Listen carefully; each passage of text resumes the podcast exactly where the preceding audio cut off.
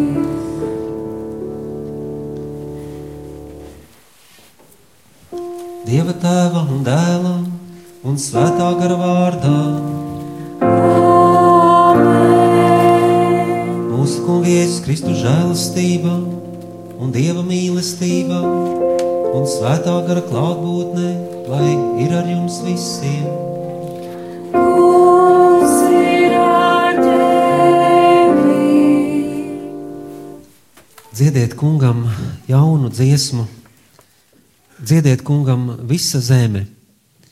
Slava un skaistums ir viņa priekšā, spēks un spožums viņa svētnīcā.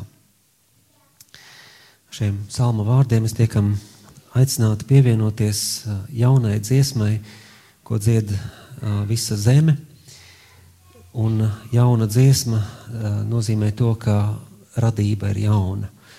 Tā katreiz tiek atjaunota, katreiz, katra diena, katrs mirklis sākas no jauna, un to piepilda Dieva slava un skaistums, viņa spēks un viņa spožums. Atvērsim tam savas acis, atvērsim tam savas sirdis un ieiesim šajā skaistumā. Jo šī skaistuma pievilcība ir vienīgais, kas var mūs attālināt no grēka. Dieva pievilcība ir vislabākais, vislabākā pretinde uh, grēkam. Nožēlosim savus grēkus. Kungs,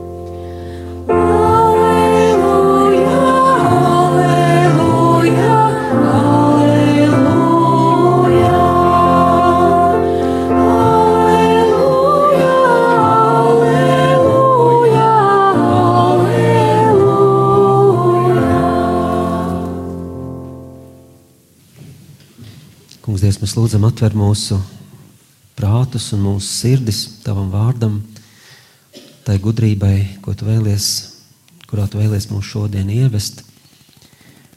Un ā, dari mūs uzmanīgus uz visām niansēm tavā vārdā, tā lai tieši tas, ko tu vēlies mums katram pateikt, mums šodien kļūtu skaidrs, un mēs varētu jau sākot ar šodienu to pielietot savā dzīvē. Amen.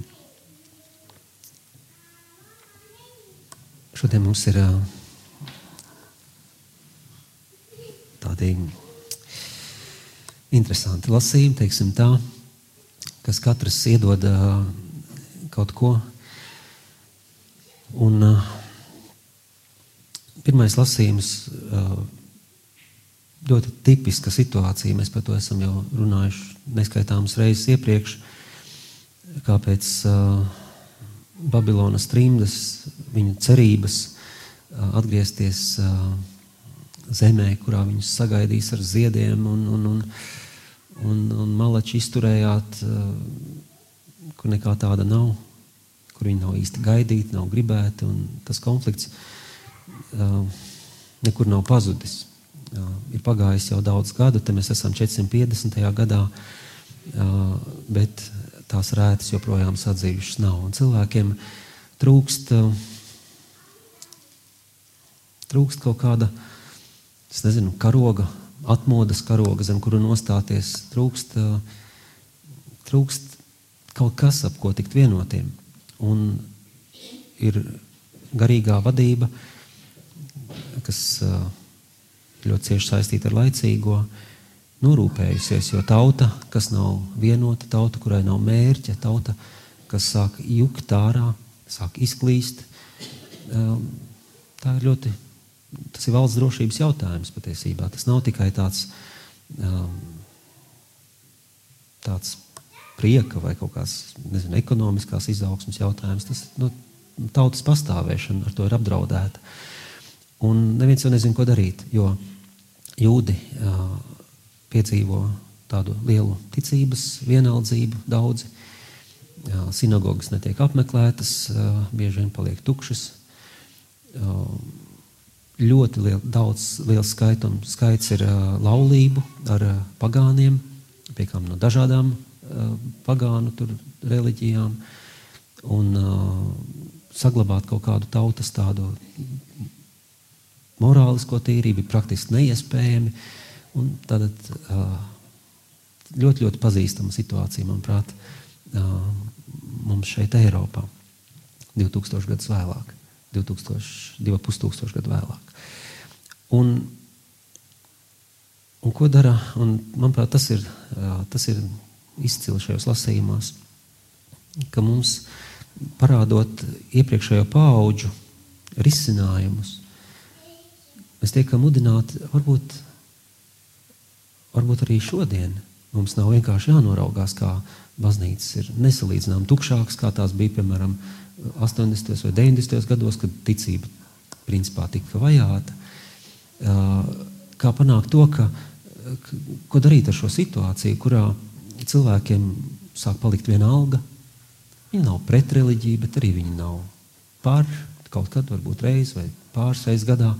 Iedomājās, ko darīt ar situāciju, ka mūsu bērni un mazbērni pretēji mūsu cerībām Dievu nav ielikuši savas dzīves centrā. Ko darīt šādā situācijā?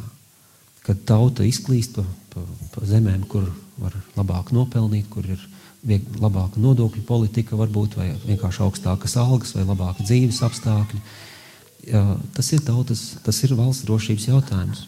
Tas nav kaut kas, ar ko mēs varam vienkārši noskatīties kā valsts, bet kur nu vēl vairāk mēs kā kristieši, kuri, kuri degam, degam mīlestībā uz Dievu, mēs redzam, ka mīlestība netiek mīlēta. Ka cilvēki ir kļuvuši neatsaucīgi uz Dieva vārdu. Un vēl jaunāk, Dieva vārds nemaz netiek pasludināts tā nopietni. Ja mēs paskatāmies, uh, Dieva vārda pasludināšana nav kaut kas, ar ko uh, baznīca galvenokārt nodarbojās. Mūsu, mūsu uh, akcents ir uz liturģiju, akcents ir varbūt uz katehēzi, formāciju, dažādiem iekšējiem kalpojumiem, bet uh, tā, lai nezinu, 93% no baznīcas aktivitātēm būtu vērsts uz āru, mēs tur neesam. Tad tā ir tā problēma, un kā vienmēr problēmai ir sekas, ja mēs neko nedaram, un ir, ja to izdotos atrisināt, ir milzīgs ieguvums. Nu, es domāju, šo ieguvumu mums nav jāapcer, tas tāpat ir skaidrs. Sekas, uz kuriem tas ved, ir vēl tikai dziļāk bedrē. Un mums jautājums ir, ko darīt vai nedarīt. Tā kā mēs nezinām īsti, ko darīt, mēs izvēlamies neko nedarīt. Un mums šķiet, ka mēs esam atlikuši, atlikuši savu izvēli. Bet tā ir izvēle, neko nedarīt. Vienkārši noskatīties, nu, tur neko nevar darīt. Tā ir izvēle. Tas nozīmē, ka mēs pasakām Dievam, te, neko, te nekas nav iespējams. Te, tas nav. Tā, tā ir izvēle. Neko nedarīt ir tāda pati izvēle, kā darīt kaut ko nepareizi. Un, Un tad mums nāk šis lasījums, un mēs skatāmies uz, uz diviem, diviem draugiem, Ezru un Nehemiju, priesteri un Laju, kuri viens ir pārvaldnieks,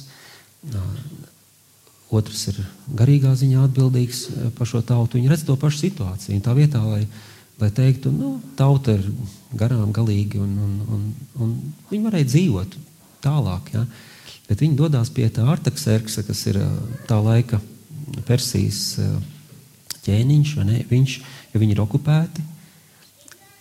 Un, un viņi dodas pie šī, pie šī valdnieka un saka valdniekam, ē, ir problēma. Šī tauta te potenciāli briest kaut kas, vai ne? Un mēs gribam kaut ko darīt. Viņu, viņiem ir svarīga pilsēta, Jeruzaleme. Mēs varētu atjaunot Jeruzalemes mūrus.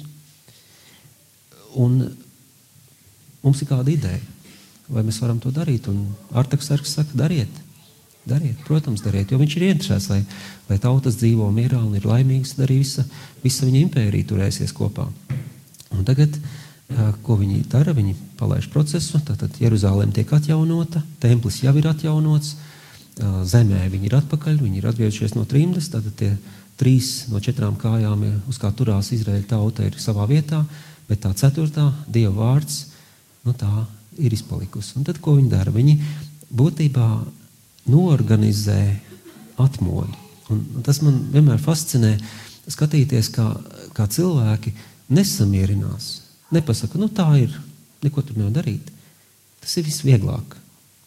Bet viņi dabūna atļaujas, protams, lai, lai saka, ne, netiktu uz, uzskatīts, ka tur kaut kāds dumpis notiek vai tam līdzīgi. Viņi nosedz izdara saka, savu mājas darbu. Un uh, viņi norganizē šo lielisko atmodas dievkalpojumu. Tad pirmkārt viņi izvēlās datumu, jaunā gada sākumu, 7. mēneša pirmo dienu.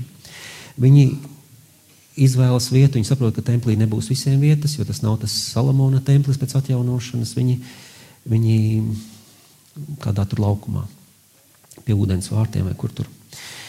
Tad viņi izvēlas, viņi uzbūvē tribīni. Viņi tiešām gatavojas lielam pūlim cilvēku. Viņi nesaka, nu sāksim atmodu, mēs ar tevi tagad dievbijīgi lūksimies, būsim labi jūdi, tad jau kaut kā tas pamazām arī destilēsies tautā iekšā. Viņi, nu labi, viņiem nevajag noīrēt, viņiem tas piedara, viņi paņem lielāko laukumu, kas viņiem ir, uztaisa tribīni, uh, izvēlas svētku dienu, Un viņi tiešām spēr šo soli ticībā. Viņi tic, ka tauta ieradīsies, viņi, viņi, viņi, bet viņi saprot, ka bez viņu darīšanas, bez viņu lielajiem sapņiem, bez tā, ka viņi domā liel, tādās lielas lietas, lūdz Dievam lielus risinājumus lielām problēmām, ka bez tā nekas nenotiks. Un viņi spēr šos lielos soļus. Vienkārši izcils, izcils piemērs, jā, ai kā mums vajadzētu tādus priesterus, ezras un pārvaldniekus nehemijas šodien ja, kas spēj domāt ārpus kastes, kas spēj saprast, ka vispār tādas kastes nav, ja, kas spēj sapņot lielas lietas. Iedomājieties, visas šīs draudzes, kas mums Latvijā ir, ja mēs sapņotu vairāk nekā tikai par saviem bērniem un mazbērniem, ja mēs sapņotu sapņus par pilsētām un reģioniem, ja mēs sapņotu sapņus par, par Latviju, ja mums, mēs lūgtu plašāk, mēs ne tikai Latvijā piedzīvotu atmodu, mēs kļūtu par šo atmodas katalizatoru arī Baltijā un varbūt Eiropā, varbūt kas zina vēl kur. Un šī tauta uh, sanāk, uh, klausās, un tiem, kam liekas, ka uh, labs dievkalpojums ir īsts dievkalpojums, uh, viņi sāk no pirmās, pirmiem gaismas stariem, tātad sešos no rīta, un līdz pusdienlaikam. Tad sešas stundas viņi lasa Dieva vārdu, ja, ko tauta bieži vien pārtrauc ar saviem amen, amen, ja, kas nozīmē, es ticam, tas ir, tas ir pieņemams, mēs tam piekrītam, tas ir tas, ko mēs gribam. Ja. Sešas stundas stāvot kājās, tiek lasīts Dieva vārds. Un tā kā tas ir sarakstīts ebreju valodā, ko neviens nesaprot, Tad tur ir tulki, kas uzreiz to tulko aramiešu valodā. Tad tas prasa divreiz vairāk laika nekā, nekā parasti. Ja? Lūk, tas ir viens no, viens no šiem uh, garajiem dievkalpojumiem. Un es esmu piedalījies sešu stundu dievkalpojumā kādā pareizcīgo metropolīta bērēs. Trīs stundas bija uh, bēru liturģija un trīs stundas bija dievišķā liturģija, kopā sešas stundas un tu vari tikai stāvēt kājās, un tu nedrīkst pat kustēties. Tu nedrīkst iesaukties amen, kas jau tev izkustinātu. Ja? Tev vienkārši tur ir jāstāv kā svecītei sešas stundas. Tas ir viens no grūtākajām manām atmiņām, tā, ja, ko es būtu piedzīvojis. Bet šeit ir visa tauta, vīrieši, sievietes, visi, kas var saprast, tad jau saprāta vecumā bērni. Ja. Sešas stundas viņi aktīvi piedalās šajā dievkalpojumā. Nevienam nešķiet pa garu jo tas ir Dieva vārds. Mēs, mēs, mēs dzirdam kaut ko, kas attiecās uz mums. Ļoti, ļoti interesanti. Un arī tas, kā Ezra ar Nehemiju gribētu šos vīrus satikt un ar viņiem kādu dienu padzīvot kopā, būtu tik daudz ko no viņiem mācīties. Redzot to pilnīgo izlaidību tautā un tādu pat neizlaidību, tādu, tādu roku nolaišanu un rezignāciju. Ne? Viņi nesāk ar pirkstu kratīšanu, viņi nesaka, nu tā tauta tur galīgi. Tas neko nemaina. Viņi sarīko svētkus ap Dieva vārdu. Un, un Ezras sprediķis pēc tam ir vienkārši šī nav diena, lai skumtu, jo visi raud no aizkustinājuma, no tā, cik labu likumu Dievs viņiem ir devis, jā, un kā viņi ir. Tad Dieva vārds pats ir šis apus, apus griezīgais zobens, kas ir atšķēlis viņu sirdis, pāršķēlis viņu smadzenes. Jā. Viņi ir atvērušies. Skaidrs, ka viņi tam bija gatavojušies, jā, un Dieva gars, Dieva gars nelaižās uz tukšām vietām. Jā, par šo mazo Ezras un Nehemija projektiņu, par tribīnu, ko viņi tur uzbūvēja, laukumu un datumu, ko izvēlējās, ja, nāca Dieva gars. Tad viņi bija izdarījuši visu, ko viņi varēja, domāja lieli, domāja plaši, domāja, nostājās pret šo lejupslīdi, un Dieva gars teica, malači puiši, tas ir tieši tas, ko es gribēju, un viņš izlējās par šo tautu, un tauta aizkustinājumā vienkārši slavē Dievu, par ko liecina šie pārāvumi ar to amen, amen. Droši vien kāds izsaucās, aleluja, vēl pa vidam. Ne? Rokas tur noteikti tika celtas gaisā un, un, un, un, un acis bija asarās.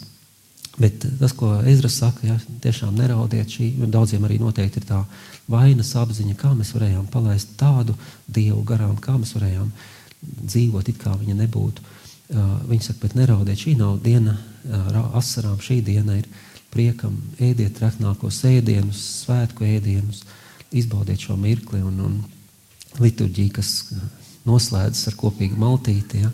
Es domāju, mums arī ziemas periodā pietrūk šīs agapes. Gan jau drīz mēs pavasarī tās atsāksim. Ja. Pēc dievkalpojuma draudz var palikt kopā un, un nosvinēt uh, dienu, dienu, kurā mēs dzirdējām Dieva vārdu, dienu, kurā Dievs mūs runāja, dienu, kurā Dievs mūs sapulcināja visus kopā un kur mēs, kas jau varbūt bijām zaudējuši cerību, atkal tiekam iedrošināti. Nē, turpināsim.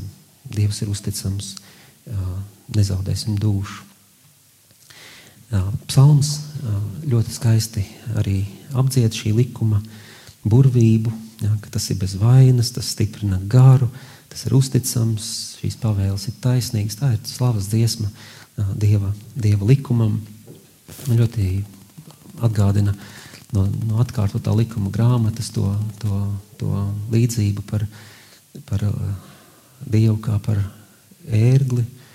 Uh, vietējie ornitologi tur ir izpētījuši, kā tie ērgļi savus mazuļus. Viņi, ja to mazuļu nav daudz ērgļiem, uh, bet viņi grib, lai katrs mazulis iemācās lidot. Viņi, tur ir tā robeža kaut kur starp brīvību un drošību. Un, un, un, un ko darīt. Un, un tad tas, tie ērgļi tos savus mazuļus palaiž, un viņi sāk lidot. Bet tas ērglis nekur ne, neatgriežas līgzdā, negaida viņus atpakaļ. Ja? Viņš planē pār šiem saviem mazuļiem. Un tikko viņš redz, ka kāds sāk pagurt, viņš nolaižās, ļauj šim mazulim nu, apsēst, nu, piez, nevis piezemēties, piergļoties, ja, kā tas būtu pareizais vārds. Ja, vienkārši tas mazulis atpūšas un palaiž un, un turpina. Un tas ir ļoti skaista līdzība par dieva likumu. Tā dieva likums nav, viņš, tas nav kā tāds, kā tāds, kā tāds uh, būris, kas tevi ierobežo. Dieva likums ir, lai tu iemācītos brīvību, lai tu iemācītos patstāvīgi dzīvot šajā pasaulē, lai tas likums būtu tavā sirdī, nevis kaut kur uz akmens plāksnēm. Ja?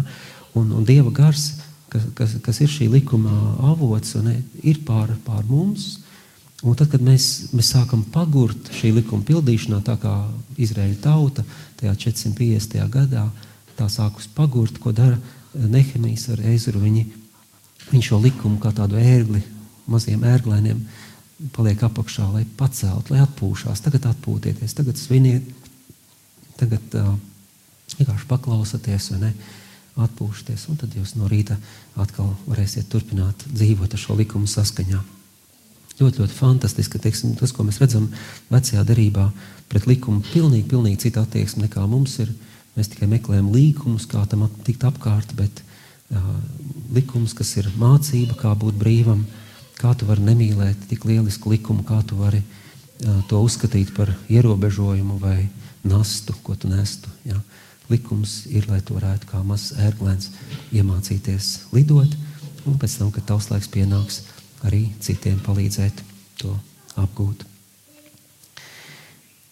Vēstuli korintiešiem mēs turpinam tātad, tur, kur pabeidzām pagājušā svētdienā par ķermeni. Un Pāvils,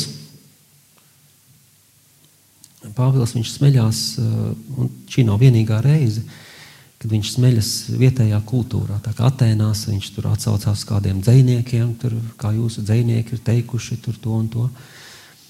Tā šeit viņš atsaucās uz Ezopu, Ezopa fabulu, ko pēc tam, kas tur cirkulē apkārtējā, kas tas bija tas Tic Līvijas, vai kurš to bija iekļāvis sanī savā, savā slavenajā grāmatā. Un tā fabula tur ir par kājām un vēderu, kā tur kājas saceļās pret vēderu, mēs te visu nastu nesam, un tu tikai tur ēdi? Un, un, un kā tas tur beidzās, un, un Eizops, cik es tā vakar paskatījos, viņš raksta par, par karavadoņiem un, un karavīriem, ka ir vajadzīgs viens un ir vajadzīgs otrs, un viens bez otra nevar. Vēlāk šī, šī fabula tiek attīstīta dažādos veidos. La Fontaines uh, 17. gadsimtā to ieliek vispār dzējā. Un, uh, es domāju, ka bijušā Rīgas uh, gubernatora uh, kancelējas vadītājam Ivanam Andrejevičam Krilovam arī noteikti kaut kāda fabula par šo tēmu, uh, kur mums ir tāds stāsts apmēram tāds. Ir kāds cilvēks, uh, kura locekļi runā savā starpā. Un nejautājiet, kāds ir iespējams, tā ir fabula. Un visi šie locekļi, kas ir tajā miesā, nejūtas uh, vienlīdzīgi, nejūtas vienlīdz vajadzīgi vai vienlīdz novērtēti. Uh, Dažiem šķiet, ka viņiem, no viņiem tiek prasīts par daudz un tiek dots par maz. Vairs, nu, tipiska, tipiska situācija. Neaizmirsīsim, Pāvils raksta korintiešiem, palasiet, kāda situācija Korintas draudzē tajā laikā. Jūs būsiet, sapratīsiet, kāpēc Pāvils tieši šo fabulu izmanto. Un tajā fabulā tāds stāsts ir tāds, ka rokas un kājas pasaka, viss taisam streiku. Nav ko to vēderu uzturēt, tas tikai, tas tikai saņem, saņem, mēs te viņam, mēs te staigājam, meklējam pārtiku, mēs te ņemam, mēs mute ēd un, un viss, viss tur notiek. Un vienīgais, vienīgais, kas saka, vēders ir, kurš iegūst no tā labumu. Jo ja kāda netaisnība ir, un taisam, taisam tātad uh, to streiku un paskatīsimies, ja tas uh, vēders nomirs badā, uh, kurš smēsies pēdējais. Tas, ko šie locekļi neņēma vērā, ka ja vēders mirs badā, viņš nebūs vienīgais. Un viss šīs fabulas ideja ir par to, kā mēs esam būtiski nepieciešami viens otram. Un ka tu nevari salīdzināt. Katram ir sava, savs uzdevums, sava loma, sava vieta. Bez vēdera nekas nestrādā. Tieši tāpat kā nekas nestrādā bez sirds. Tieši tāpat kā visa miesa ir tumsā, ja acis kļūst aklas vai ausis kļūst kurlas, kas tad notiek? Kas notiek, ja tie, cilvēks tiek paralizēts? Un tā tālāk. Ja, tā, tā ideja, un, un tā ir tā laika izglītībā ļoti izplatīta forma, fabula. Es atceros, mums jau arī skolā toreiz gan Krilova fabulas mācīja, bet, bet ideja, ka tas ir kaut kas, ko mēs varam saprast. Un korintiešiem, viņiem līdzīgi tā kā tiem izrēliešiem tajā 450. gadā, viņiem ir tāda, tā kā tāda migla, viņi ir tā kā sašķēlušies, katrs tur par sevi. Viens tur saka, o, mēs tur no Pētera, viens tur no Apola, mēs tur Pāvila, mēs no Kristus. Ja? Katram ir tur visādas tās, tās korintas tikumi un netikumi, kas tur ir klāt. Ja? Tur ir tāda, tāda, tāda neskaidrība tajā draudzē. Un Pāvils, viņš nesamierinās kārtējo reizi ar to. Viņš redz, kā draudzes sašķeļās. Viena iet, iet sapņo par to sludinātāju, otrs par, otri par to tur. Un, un, un, un tad tie tur dara to, tie tur dara to. Pāvils tāds pats kā Ezra, tāds pats kā Nehemijs. Viņš skatās, ko darīt, un viņš nāk klajā ar šo fabulu. Pareizāk sakot, nevis ar fabulu, jo to jau viņi visi zina, bet ar šīs fabulas skaidrojumu, pēc tam ne skaidrojumu, bet tādu kā uh, pacelšanu pilnīgi citā līmenī, kas nevis vienkārši iemāca morāli, tagad atbalstīsim viens otru, mēs visi būsim laimīgi. Tā nav tikai morāla mācība vairs, ja? bet Pāvils to izmanto, lai runātu par baznīcas noslēpumu, par to, kā mēs visi esam viens. Vienā garā visi uh, esam, uh, ar vienu garu mēs visi esam piepildīti. Ja, tas ir tas pats gars, kas visos visu dara. Atcerieties pagājušās uh, svētdienas citātu. Un tas ir tas viens gars, kas mūs veido par vienu miesu. Un, un tad viņš sāk, sāk skatīties uz to, kā, kā mēs esam atšķirīgi. Un kā jebkurš salīdzinājums, vai tas bija labāks, vai tas tur ir tāds, vai tas tur to, vai tas tur to, uh, tas viss ir no vēlna, ka tas ir ļaunais gars, kurš skalda, lai valdītu. Tas ir tas, ir tas kā, kā tas notiek.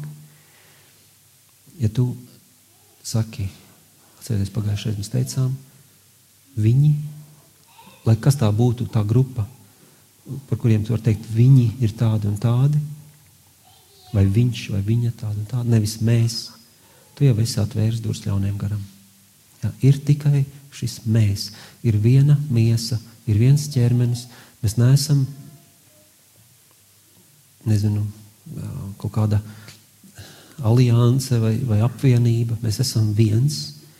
Un, ja mēs nostājamies pret kādu, mēs nostājamies pret sevi. Ja mēs nepieņemam kādu, mēs nepieņemam sevi. Tas tā kā, kā es teiktu, vēderam, mums tevi nevajag. Tu tikai ēd un ēd un ēd. Tā kā šeit ir ļoti kaut kā atkal apbrīnojama tā Pāvila gudrība, spēt paņemt kaut ko, ko visi skolā mācījušies, kaut kādu ezopu fabulu un pacelt to tādā līmenī, runāt par baznīcu, runāt par uh, šo noslēpumu, no kura daļa mēs esam. Un runājot par šīm uh, atšķirībām, par šiem dažādajiem, dažādajiem garīgumiem, tie nav pretstatām. Protams, jēzuīti bieži vien stāstīs anekdotas par franciskāņiem un dominikāņiem. Es esmu dzirdējis desmitiem un desmitiem šādas anekdotas. Tās ir tikpat nebeidzamas kā stāsti par gaišmatēm un, un, un, un igauņiem. Bet, bet tas ir tāda mīļa, mīļa pasmiešanās, kā brāļi viens par otru, viens otru mazliet paķircina. Un baznīcā šie daudzie garīgumi, kas ir,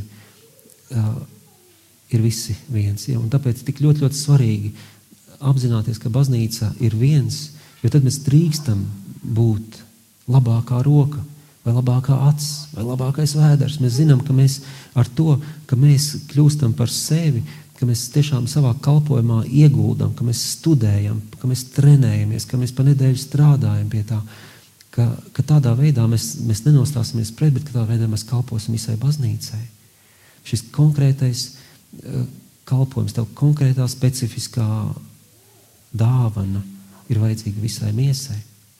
Un šodien, kā jūs esat pamanījuši, uh, mums ir, mums ir kāda īpaša ikona, kas mūs ir apciemojusi, uh, kas mums nepienākās, jo mēs neesam franciskāņu draugi, bet nu, Dievam ir Dievam ir savi plāni vienmēr, un, un garām ejot, mēs esam tā uz dažām dienām tikuši ne tikai pie lieliskas dievmātes ikonas, bet arī pie Svētā Franciska, Svētās Klāras un Elizabetes un Ungārijas relikvijām, kas ir šeit pat altārī, ko mēs varēsiet pēc dievkalpojuma pienākt klāt un pagodināt. Un šis franciskāņu garīgums, skaidrs, ka mēs šeit tagad neie, neiedziļināsimies, ja? bet tā, tam ir sava vieta. Ja cik gadsimti pagājuši, tas turpina iedvesmot miljoniem cilvēku. Mūsu svētais, pāves, eh, mūsu svētais tēvs, eh, pāvests Francisks, izvēlās savu vārdu, iedvesmojoties no svētā Franciska kalpojuma, tāpēc, ka viņam kāds kardināls pasaka, tu tikai neaizmirsti nabagus. Un, un viņš ir jezuīts. Ja? Tā ir tas, ka jēzuītam ir vārds Francisks, kā pāvestam. Tas vien ir uh, izstāsts, ka šis vīrs ir lasījis vēstuli korintiešiem vai vismaz Ezopa fabulu. Un, un, un, un mums ir tas, tas, tas prieks par to dažādību, kāda ir baznīcā. Un, un tas, ko šeit vakar mēs runājam par to, kā dārzā zeme vai tiksim, komposts, no kā tas veidojās. No visa kā. Tur ir dilles, tur ir ķirbis, tur ir varbūt lapas, tur ir Tur ir kādi āboli, tur ir varbūt tās kaut kas importēts, kādas banānu mīzes un vēl kaut kas. Un tad kādā brīdī tas viss kļūst par tādu bagātīgu augsni, kur atkal var augt dilles un ķirbi un, un, un ābeles. Un, un tas ir tāds, ja būtu tikai komposts, piemēram, nezinu, zirņiem no zirņiem, es domāju, drīz vien tur vairs nekas neaugtu. Tas būtu kā mamuti, kas izmirst, tāpēc, ka genofons tiek izsmelts. Ja? Un šī bagātība ir vajadzīga tev, un tu esi vajadzīgs šai bagātībai. Tu esi vajadzīgs baznīcai, un baznīca ir vajadzīga tev. Par to nevar būt nekādu šaubu. Ja tu gribi tiešām augt un kļūt par labāku ābeli, tavā kompostā ir jābūt kaut kam no, no varbūt kādai sēnei, vai varbūt kādam tur sapūšam gurķim vai vēl kaut kam, ja, kas viss dod to, tos vajadzīgos uh, elementus tavai izaugsmē. Un uh, baznīcas, uh, un, teiksim, mums kā draudzē, mums ir labi, mēs esam neitrālā teritorijā, ja, mums, mēs neesam ne, nepārstāvam nekādu garīgumu. Ja, šeit var uh, atbraukt kāds jēzuīts nos, nosprediķot rekolekcijas, te mēs varam pagodināt franciskāņu ikonu, mēs varam varbūt lūgties ar karmelītiem vai, vai doties sludināt Dievu vārdu ar dominikāņiem. Mums ir, uh, mums ir šī, šī, šīs katoliskuma, universāliskuma status, ne, uh, kurā viss ir mīļi ielūgti. Ja, būtībā tas, ka mēs piedaram šai draudzēji, tas vien jau parāda, ka uh, tas, ko Pāvils raksta vēstulēm korintiešiem, uh, darbojas, ja, ir iespējami tik dažādiem, cik mēs esam, būt vienai miesai. Un ka tās atšķirības, kuras tevi kaitina otrā cilvēkā, kuras tu varbūt tās, kas tev nemitīgi sadusmo, paskaties uz tām, varbūt kā uz dāvanu. Ja tu esi kaut kāds hiperaktīvs un kāds ir tāds ļoti mierīgs, nepārmet viņam. Paskaties, ja šis cilvēks var būt ar savu pamatīgumu un ar savu lēno gaitu, viņš aiziet daudz tālāk. Varbūt viņš nav sprinteris, varbūt viņš ir maratonists. Un, ja tu, un ir vajadzīgs viens, un ir vajadzīgs otrs. Varbūt, ja tu, esi, ja tu gribi visu tā lēnām, un kāds ir baigi steidzās, varbūt uz viņu dusmojies. Atkal paskaties, varbūt šis cilvēks ir saprot, ka nav ko kavēties pie sīkumiem, mums jāiet tālāk. Ja? ja kāds domā pārāk plaši vai kāds pievērš uzmanību detaļām, tam, tam visam ir sava nozīme. Un tas viss kopā, ja mēs esam mīlestībā, ja mēs esam ar vienu garu piepildīti, ar vienu, vienā mīlestībā darbo. Vienā, viena mīlestība ir, ir, ir, ir, ir tā, tā enerģija, kas mūs, kas mūs baro, tad uh, mēs visi atplaukstam un, un mūsu kopējais uzdevums tiek, tiek izpildīts.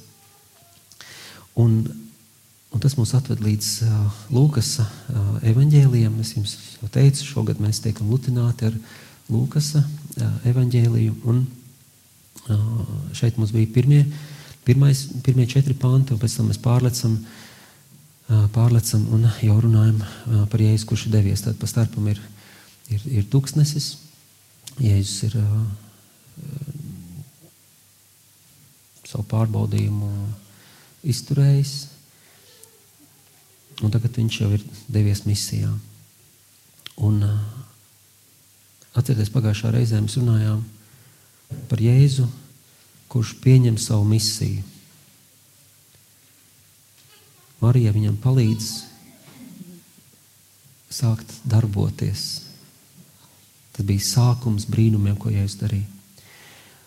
Un šeit mēs redzam, kā viņš ir Viņš apzinās, kas viņš ir. Un viņš nonāk uh, Galilejā, sabatā, kā jau labs jūtas, viņš iet sinagogā. Un pieceļas lasīt, tas ir normāli, tas ir tas, ko viņi dara.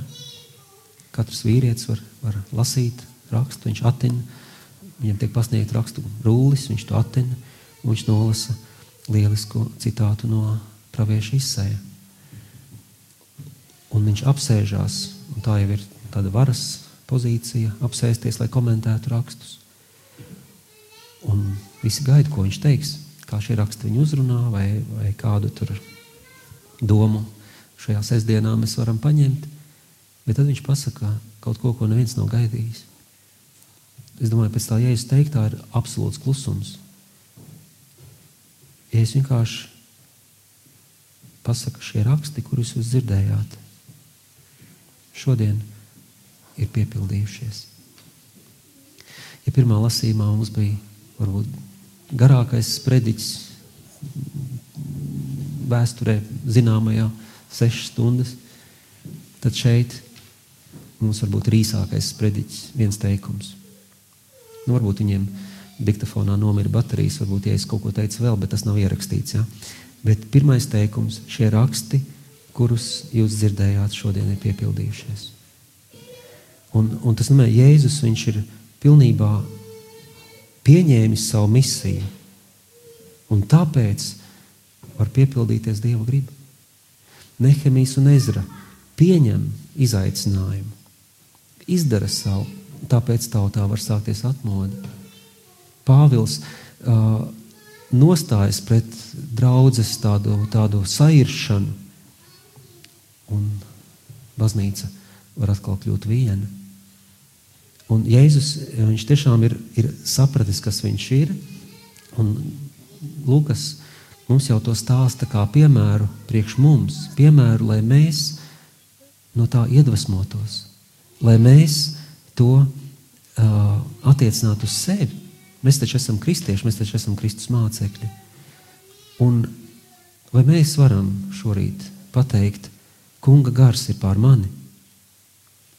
Viņš man ir svaidījis, vai mēs apzināmies, ka tas tā ir? Bet jūs esat iestiprināti, vairums no jums esat. Kunga gars ir pār jums.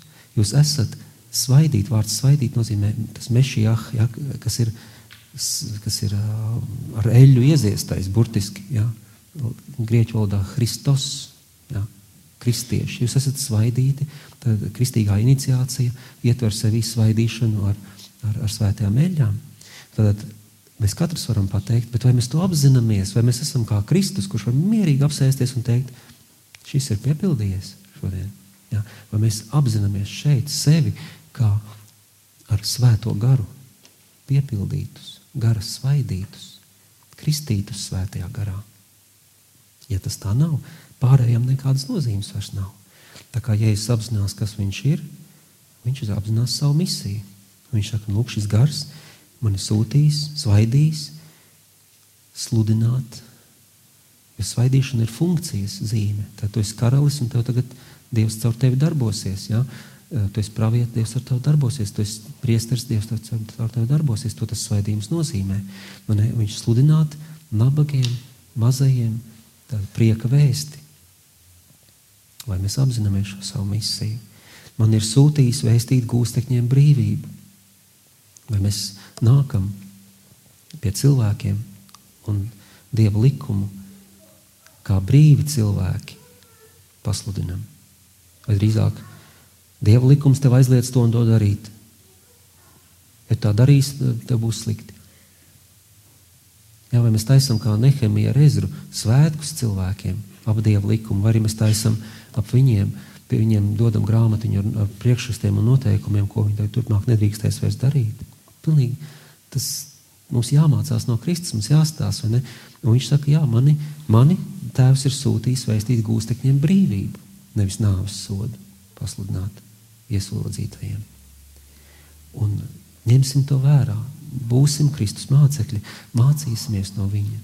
Mēs esam šeit, lai pasludinātu priecīgo vēstu, lai, lai pasludinātu brīvlaišanu, lai aklajiem dotu gaismu acu, lai palaistu brīvību apspiestos, lai pasludinātu kunga žēlstības gadu. Tajā pašā gadā, kad šķiet, ka nekas labs nevar notikt, vai pat ir kādas lielas problēmas, kas jau ir vai nāk virsū, mēs sakam, šis ir kunga žēlastības gads.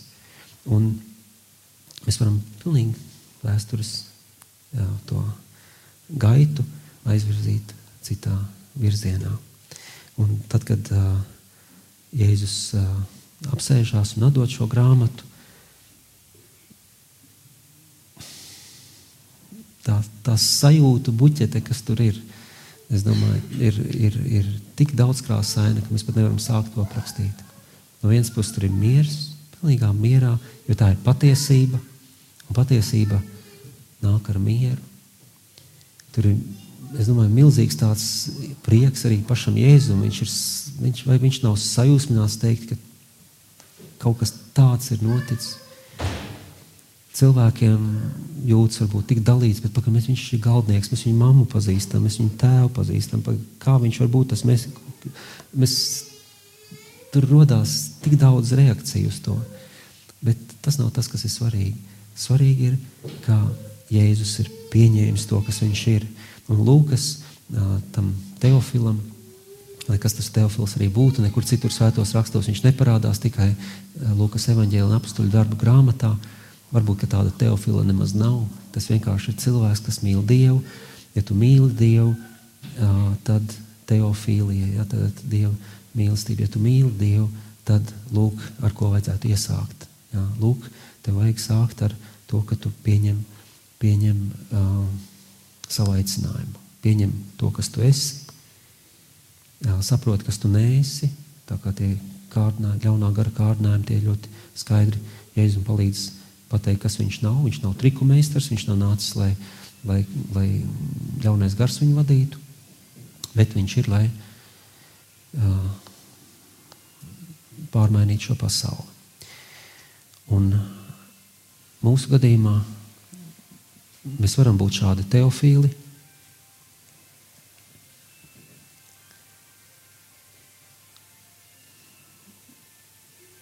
Un ne tikai varam būt, bet mums par tādiem ir jākļūst. Mums ir jākļūst par tiem, kuri aiz mīlestības uz Dievu pieņem sevi, iemīl sevi, iemīl to vietu, fabulas ķermenī, kurā mēs esam. Beigsim dusmoties uz vēdera, ka tas nekur nestaigā. Beigsim dusmoties uz acīm, ka tās nedzird. Beigsim dusmoties uz rokām, ka tās neredz.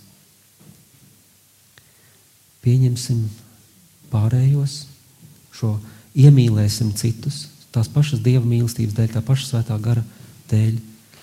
Iemīlēsim sevi, savu vietu, atradīsim kur tā ir. Jo atcerieties, pagājušā svētdienā mēs teicām, ka taurētājiem, ja viņš ir bundzinieks, varbūt jānoliek tauri pie malas un jāiet bungot. Un varbūt arī tev ir pienācis laiks kaut ko palaist vaļā un uzņemties kaut ko citu. Vai arī tieši otrādi, to, ko tu esi atmetis, atrast un attīstīt. Bet tas jau viss ir detaļas. Ar to nesākas evaņģēlijas. Evaņģēlijas sākas ar to, ka tu pieņem, ka tu pasaki jā Dievam, jā visam ķermenim, baznīcai, visai cilvēcei un iekļauj viņu pilnīgā mēs. Jebkurš cilvēks ir daļa no mēs, jebkurš cilvēks ir daļa no, no tevis. Un, un tad vienkārši apsēdies un saki, jā, šodien šie vārdi ir piepildījušies. Un tas, ko nesīs uh, nākošās lapas pusē tajā evaņģēlijā, nu, to tu vēl nevar zināt, tāpēc, ka tas viss vēl noti, nav noticis, bet, ja tu šādā veidā iesāksi savu dzīves turpinājumu ar jā, patiesībai par sevi, citiem un Dievu, tad būs vērts par to uzrakstīt grāmatu.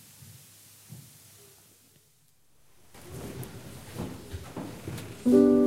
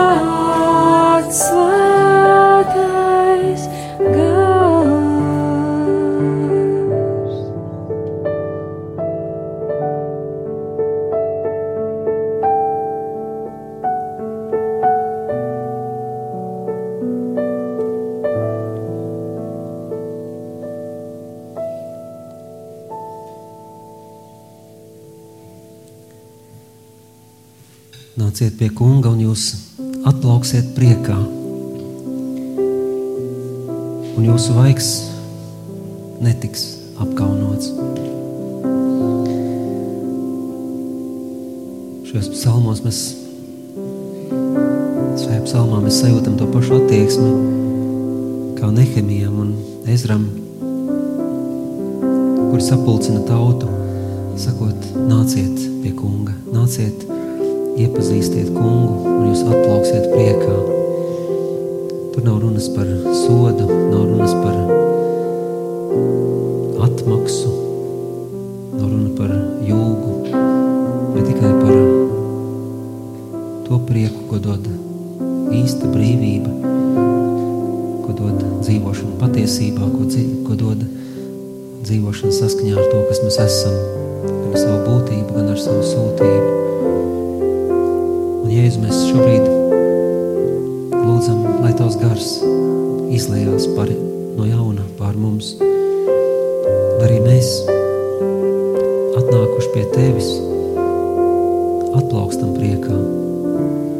pie tevis, mēs atplaukstam tanī, kas mēs esam.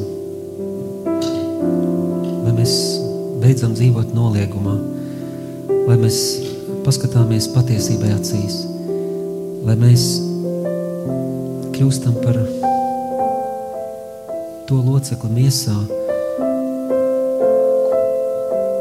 kādu tu esi mums paredzējis. Lai mēs nemēģinām tēlot citu, lai mēs nemēģinām sevi salīdzināt ar citu, lai mēs nemēģinām būt kaut kas cits, bet arī, lai mēs spējam pateikt nē tām lietām, kas nav mums jādara, un saudzīgi tās uzticēt citiem, kuru aicinājumus atbilst, tā lai baznīca pamostās nes tikai kāds pirksts vai acis vai auss vai deguns,